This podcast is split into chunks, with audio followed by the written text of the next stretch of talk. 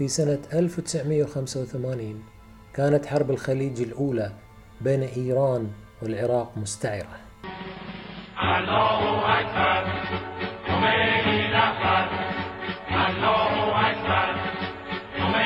وفي نفس السنة تم حل مجلس الأمة بعد أشهر من الأخوة أعضاء المجلس الموقر إن طموحاتنا كبيرة. والطريق أمامنا شاق وطويل وهو محتاج منا لمزيد من البذل والعطاء. نعم. فاز نادي العربي بدوري موسم كرة القدم. وتوصل.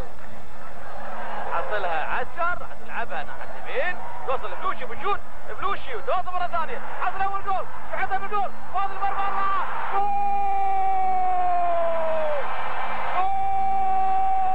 الحدث الذي سوف نتحدث عنه اليوم هو اغتيال معاون السفير العراقي هادي عواد سعيد في شهر خمسة من نفس السنة.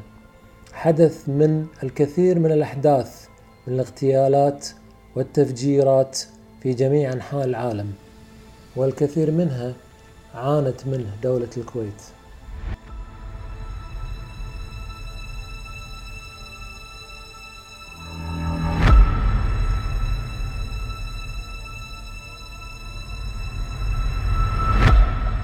في الحلقة الثانية من بودكاستنا التاريخ الموعود سنسرد حدث اغتيال آخر في وجه تشابه مع حلقتنا الأولى التي اغتيل فيها علي ياسين رئيس مكتب منظمة التحرير بالكويت. منظمتين متقاتلتين اتهموا بعض في اغتيال علي ياسين منظمة التحرير وجماعة أبو نضال التي كان يحتضنها العراق. في حادث الاغتيال لهادي عواد سعيد أيضا جهتين اتهموا بعض بأنهم من قاموا بعملية الاغتيال. العراق اتهم حزب الدعوة الإسلامي أنه هو نفذ عملية الاغتيال. حزب الدعوة الإسلامي اتهم العراق بأنه هو اللي قام بعملية الاغتيال. وأيضا وجه الشبه بين العمليتين أنه لم يتعرف على من قام بعملية الاغتيال ولم يأخذ أي أحد أي عقاب لعملية الاغتيالين.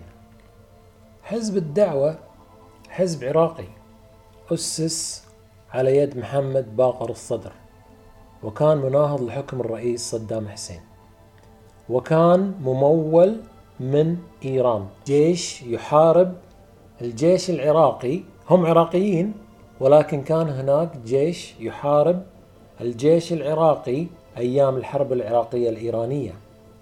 نور المالكي رئيس الوزراء العراقي السابق كان عضو فعال في حزب الدعوة وشارك بعمليات ضد الجيش العراقي خلال الحرب. محمد باغر الصدر أعدم صدام حسين مع أخته بنت الهدى بتاريخ 18 أبريل 1980 الإمام المجاهد السيد الخميني كان ظله استمعت إلى بقيتكم التي حصلت عن تفقدكم الأبوي لي وإني إذ لا يتاح لي الجواب ملقيا لأني مودع في زاوية البيت لا يمكن أن أرى أحدا أو أن يراني أحد. عملية الاغتيال كان لها شاهدين عيان. الزوجة عطية والبنت غيداء ذا الاثنى عشر سنة. الزوجة عطية في التحقيقات الأولية صرحت أنها في تلك الليلة قرر الزوج أن يقضي السهرة في البيت على غير عادته حيث أنه كان يقضي السهرة في الخارج. فضل السهر في البيت. قامت بإعداد بعض المأكولات الخفيفة والخمر الذي كان هو معتاد أن يحتسيه. بعدها توجه هو إلى المطبخ وترك الباب الذي كان يؤدي إلى المخرج الخارجي الجانبي للفيلا مفتوحا. حوالي الساعة الواحدة والنصف بعد منتصف الليل كانت هي وأبنها الصغير سعد تشاهد التلفزيون. فوجئت بأربعة رجال قالت إنها لم ترهم من قبل يقتحمون البيت من ناحية المطبخ وكل واحد في يده مسدس. ظنت أن هؤلاء الأشخاص كانوا ضيوف. أحدهم سألها هل فرغ زوجك من الشراب؟ فأجابت نعم عندها.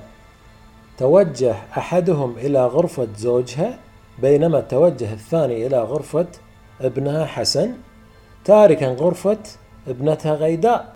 الاثنان الباقيان أحاطا بها وهدداها بعدم التحرك. لكنها تمكنت من أخذ الصغير سعد واصطحبته إلى غرفة أخته غيداء بعد أن فتحت الباب الذي كانت قد أقلقت على ابنتها في وقت سابق من الليلة. عند عودتها سمعت طلقين ناريين مكتومين. وغادر الأربعة بكل هدوء. وقالت أنها شاهدتهم يستقلون سيارة من نوع وانيت أحمر اللون لم يكن يحمل أرقام. بعدها أيقظت خادمتها التي اصطحبتها إلى الجيران واستغاثت بسائق الجيران الذي قام بتوصيلها بالسيارة إلى منزل أحد أصدقائهم. هذا الصديق عاد بها إلى المنزل واتصل بعدها في الشرطة. عندها شاهدت زوجها وهو ينزف بغزارة وكذلك ابنها حسن. الابنة غيداء قالت إنها استيقظت من نومها على صوت هز المكان. وعندما حاولت الخروج فوجئت بأن باب غرفتها كان مغلق من الخارج.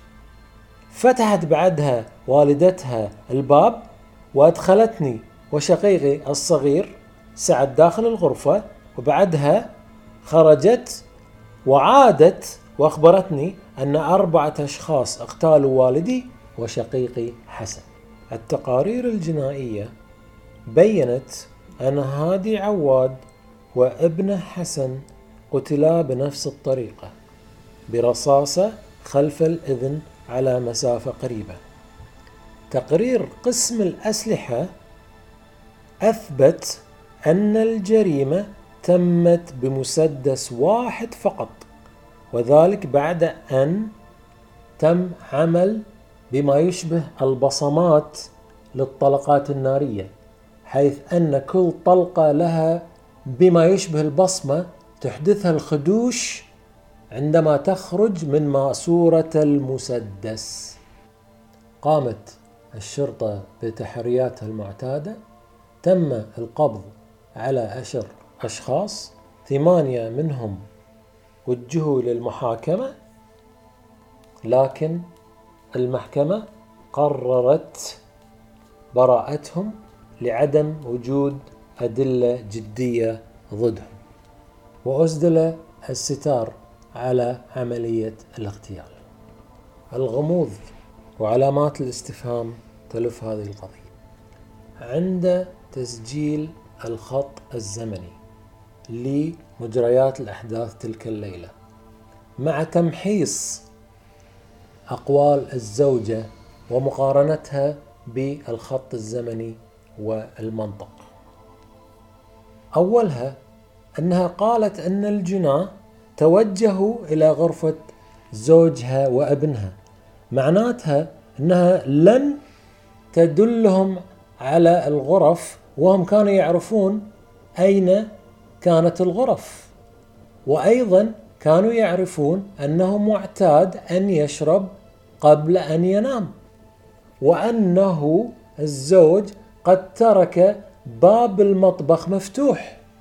وبعد أن توجه اثنان من المسلحين إلى غرفة الزوج والابن وبقى اثنان معها ليهددونها بعدم التحرك قالت بأنها قد أخذت ابنها وذهبت إلى غرفة بنتها غيداء وفتحت الباب وأدخلت الابن ثم عادت مرة ثانية إليهم كيف يمكن أن يحدث هذا؟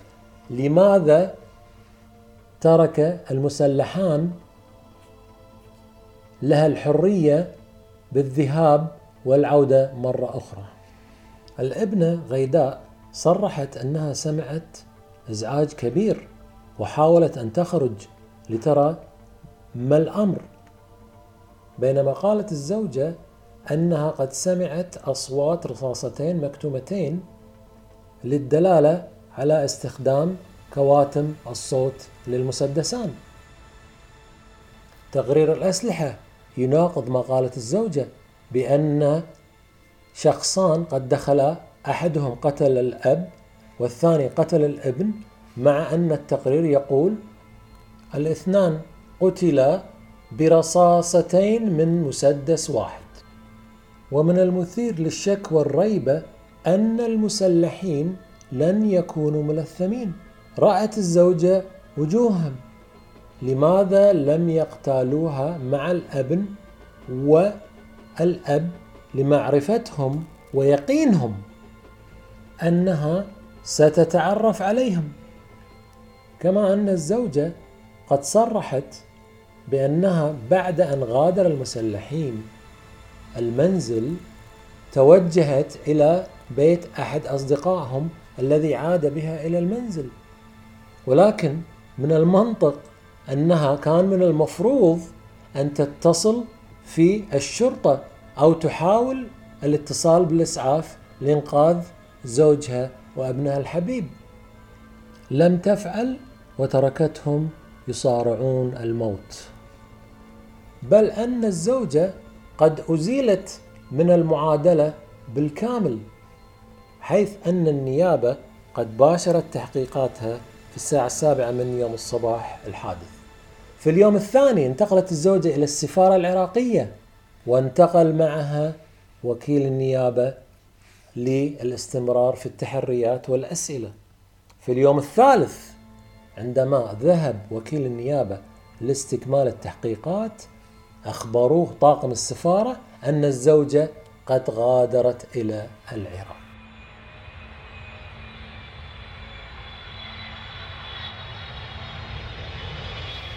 بعدها بدأت تتراشق الاتهامات بين حزب الدعوة الإسلامي والحكومة العراقية. كلاهما بدأ ينسج القصة التي أدت إلى اغتيال السيد هادي عواد سعيد. حزب الدعوة الإسلامي في روايته التي سردها لينأى بالتهمة عنه ذكر أن السيد هادي قد بدأ صغيرا في سلم المخابرات دخل السجن عدة مرات كان يعيش في بيت متواضع لكنه تدرج وتدرج إلى أن وصل إلى معاون السفير العراقي في دولة الكويت. ولكنه الظاهر قد نفش ريشه وبدأ يأمر وينهي ويثرثر.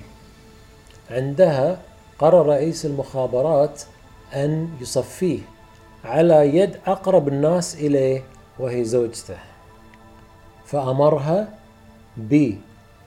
بتيسير دخول القاتل فدخل وقام بعمليته ولم تبلغ الشرطة ولا الإسعاف ليتمكن القاتل من الهروب والتأكد تماما أن زوجها قد قتل وأن تقوم هي بإخفاء معالم الجريمة. ونقلتها الاستخبارات في اليوم الثالث من الكويت إلى العراق. أما الرواية العراقية تقول أن حزب الدعوة نفسه قد حاول عن طريق القاتل الذي كان على صلة قرابة فيه تجنيده لصفوف الحزب ولكن القاتل ارتاب في سلوكه وخاف أن يفضحه فاختار تصفيته لطمس العملية. وبين هذا وذاك وتلك راح دم القتيل والابن هدرا.